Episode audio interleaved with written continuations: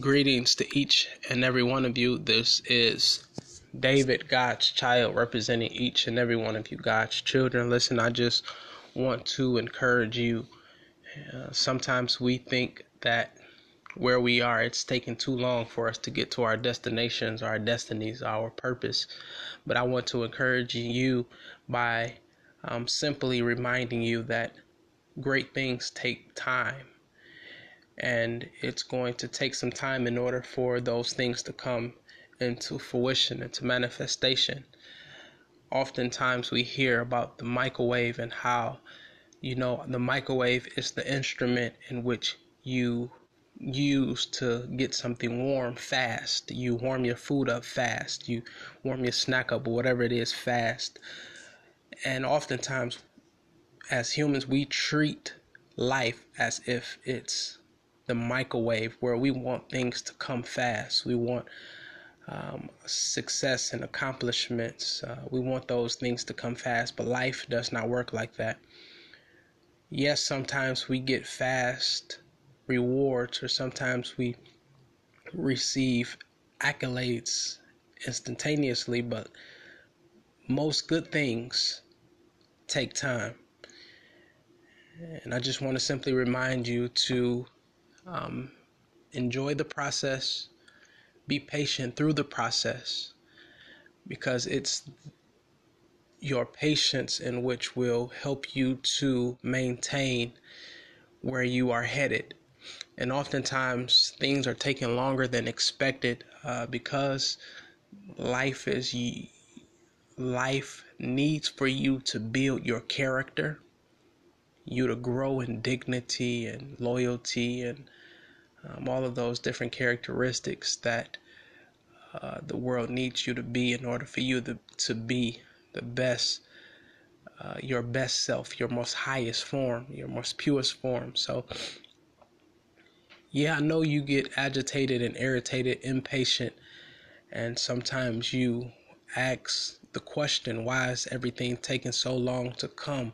Why uh, is life not coming together as fast as I wanted to? You you you think at this point you should have been mer- for, further along. You thought you would have had some things that you had planned, but yeah, yes, you had goals and you had goals set. And just because you did not reach your goals in the time in which you set does not mean that you are not going to reach. There's a saying that said, delay Delay is not denied.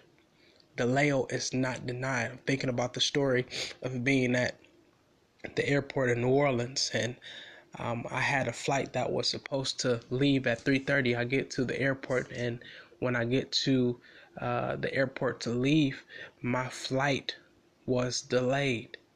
I was supposed to leave at 3:30, but I did not leave until somewhat about 4:30 at first I was agitated, irritated. I was frustrated because I wanted to be in Michigan at a certain time, but I did not leave on time. Therefore, you know, uh, my emotions got the best of me. I got frustrated. Uh, I got mad.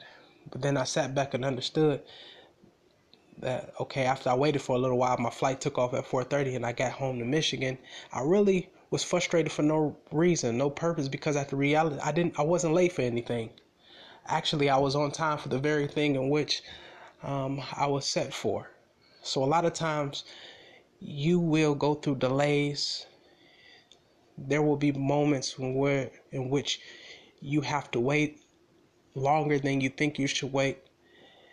And in those moments, I ask you to look at the lesson. Look at the lesson in the dark look at the lesson. Okay, I'm I'm waiting. Why am I waiting? Maybe it's a patience builder. You know, maybe um, it, it's meant for me to reflect. Maybe I don't know what your maybe may be, but I'm simply asking you to look at the lesson in the moment.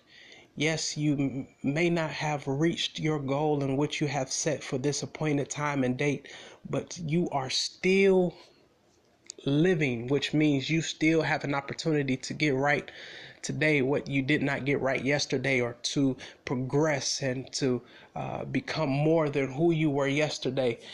And sometimes we we we we are facing a reality of being somewhere we really don't want to be. If the truth were to be told you really don't want to be where you are. Sometimes you don't want to be where you are.